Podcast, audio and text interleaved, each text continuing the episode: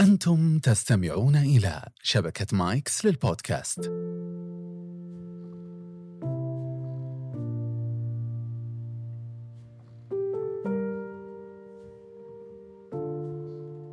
تنظر إلى كل شيء من حولك.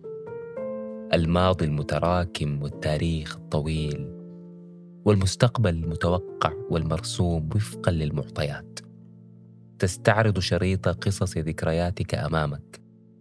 تراجع كل اللقطات وتحلل كل حوار دار وكل نتيجة وصلت إليها. ثم تتفقد حصالة الأيام تلك التي اختزنت فيها الغالي والثمين. صفوة التواريخ واللحظات والمواقف ونخبة الأشخاص والأعزاء. هي عادتك كل مساء. تطرح مكتسبات العمر أمامك ثم تتمعن فيها كأنك تبحث عن شيء ناقص. تستجوبها بصمت وكأنك تنتظر اعترافا منها بشيء. وفي كل ليلة تنطفئ النجوم ويغلبك النعاس.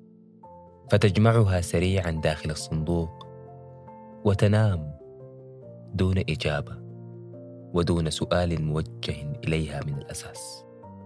لكن في تلك الأمسية تحديدا اكتشفت شيئا يخص هذه المقتنيات. رغم ترتيبها وانتظامها وصحة نسبها إليك وطول عشرتها معك اكتشفت دون مبرر ودون سابق إنذار أن لا شيء يعجبك. النص المفقود آخر كل ليلة هو أن كل هذه الأشياء لا تعجبك. ما آلت إليه الأمور وما اخترته سابقا بإرادتك ما تأخر وما أتى وما ظننت أنك قد تخطيته بل لا تعجبك حتى طريقة تعاملك مع الأشياء والظن فيها.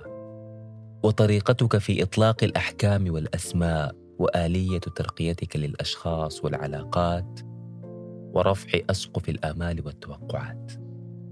عود ثقاب. أشعلته في تلك الليلة.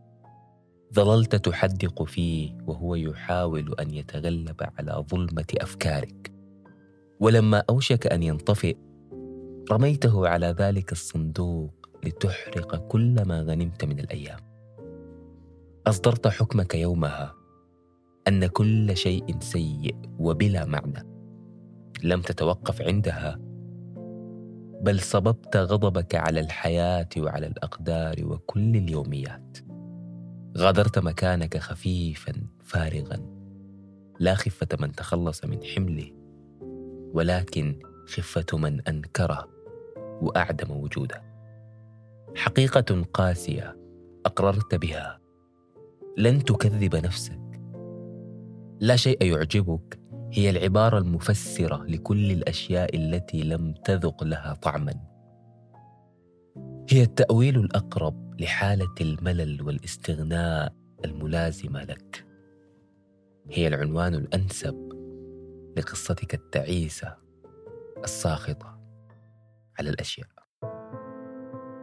أنا محمد عبد الرحمن أستغل ازدحام الناس وتشابه ملامحي مع الكثيرين للتردد على الأماكن باستمرار دون أن يلحظني أحد. أزور المقاهي وأمشط الشوارع وأستغل المواصلات العامة. فأصطاد عن دون قصد افكارا ما من حديث عابر أو تصرف عفوي لتكون عناوين وموضوعات أتشاركها معكم في بودكاست أزرق. أفكار لم تلق حظها من الانتباه وتفاصيل صغيرة ربما تختلف نظرتنا إليها مع كل حلقة. المهم والمهم جدا للأمانة أنه ربما تستمع لحلقة ذات مرة وتكون أنت صاحب الفكرة في الأساس.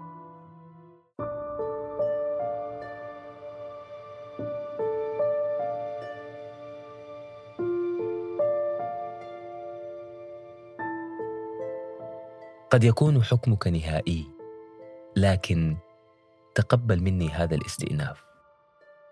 أقول يا صديقي ربما تلحظ انخفاضا في جودة صحتك النفسية وشيئا من الكدر المستمر دون أن تجد مبررا لذلك وتجد نفسك مسترسلا في إطلاق مثل هذه الأحكام.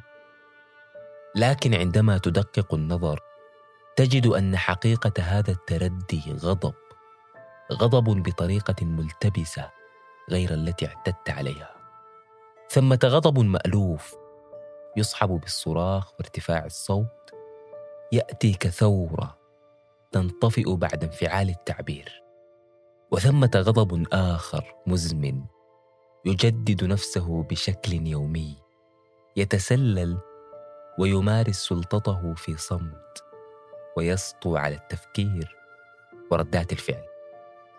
الغضب في جوهره فقدان أمل مع مفاجأة. وجوهر تجاوزه كحالة تفهم ومبررات ومنطق يحتوي ما حدث. لكن ما يجعل الغضب الصامت مستمرا أن هذه المبررات لا تأتي وتتمادى علامات التعجب في البقاء. فتجد نفسك مرغما على الاحتفاظ به غضب في دائرة مغلقة يبدأ من جديد كلما حانت نهايته. كثيرا ما نمارسه على الأشياء التي لا دخل لنا فيها كالقدر والعائلة والظروف. والأشد أن نمارسه على النفس تلك التي حاولنا مرارا تقويم شيء فيها وعجزنا. فلا تبدلت ولا بوسعنا التخلي عنها. في الحقيقة أنت غاضب مع كل حكم بسوء ما لا سوء فيه وأنت غاضب مع كل فكرة سوداوية تطرحها كرأي. وأنت غاضب مع كل ثقة تبخل بها على أمل ممكن. وأنت غاضب مع كل نكتة جاءت بعد الخذلان.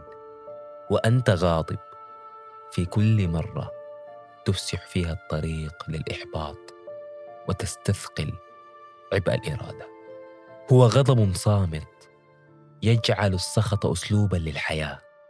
يلبس الأيام أثواب الحداد ويطفئ الروح على مال يفقد الأشياء شذاها ويفقدك أنت المعنى والذائقة. هنا أنت لا تحتاج لكسر كوب أو ركل وساده تحتاج مكاشفة وحديث طويل مع النفس. تعلمها كيف تنتهز فرصتها في الغضبة الأولى. قبل أن تألف الشعور وتصادقه. ثم أن تتقبل وتصفح عن ماضيك. لأن الماضي تحديدا على استعداد دائم أن يمتد ويصبح اليوم وغدا وكل السنين الآتية ما لم تخط بنفسك حدودا له. الطبيعي أن يولد الغضب في النفوس. ثم يشيع على الملامح والوجوه. لا يقيم ولا يعتاد ولا يخلد.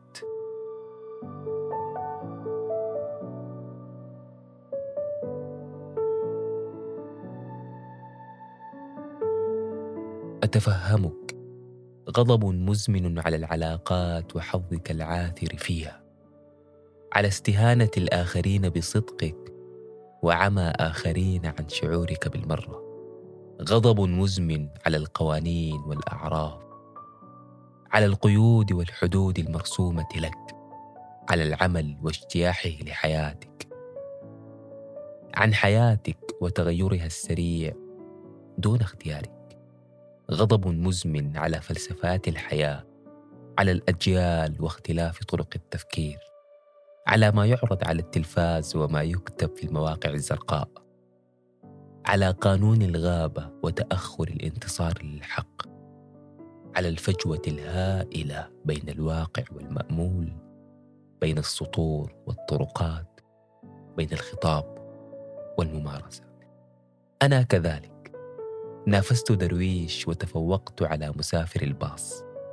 كما قال لا شيء يعجبني لا الراديو ولا صحف الصباح ولا القلاع على التلال. أريد أن أبكي. وجدت عزائي في الأبيات وانتخبتها شعارا للحياة. رافقت السيده والجامعي والجندي وطمأنتني شكواهم. لكنني تراجعت. عندما سمعت درويش ذاته يقول بعدها على هذه الأرض ما يستحق الحياة.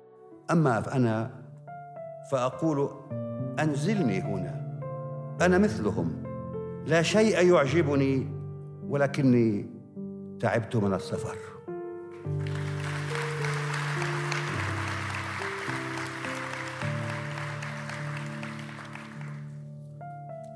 على هذه الأرض ما يستحق الحياة.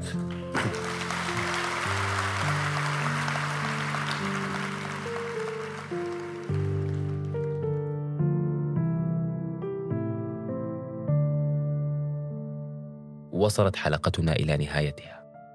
أسعد بمشاركتكم الحلقة مع من تظنون أنها ستروق له من الأصدقاء.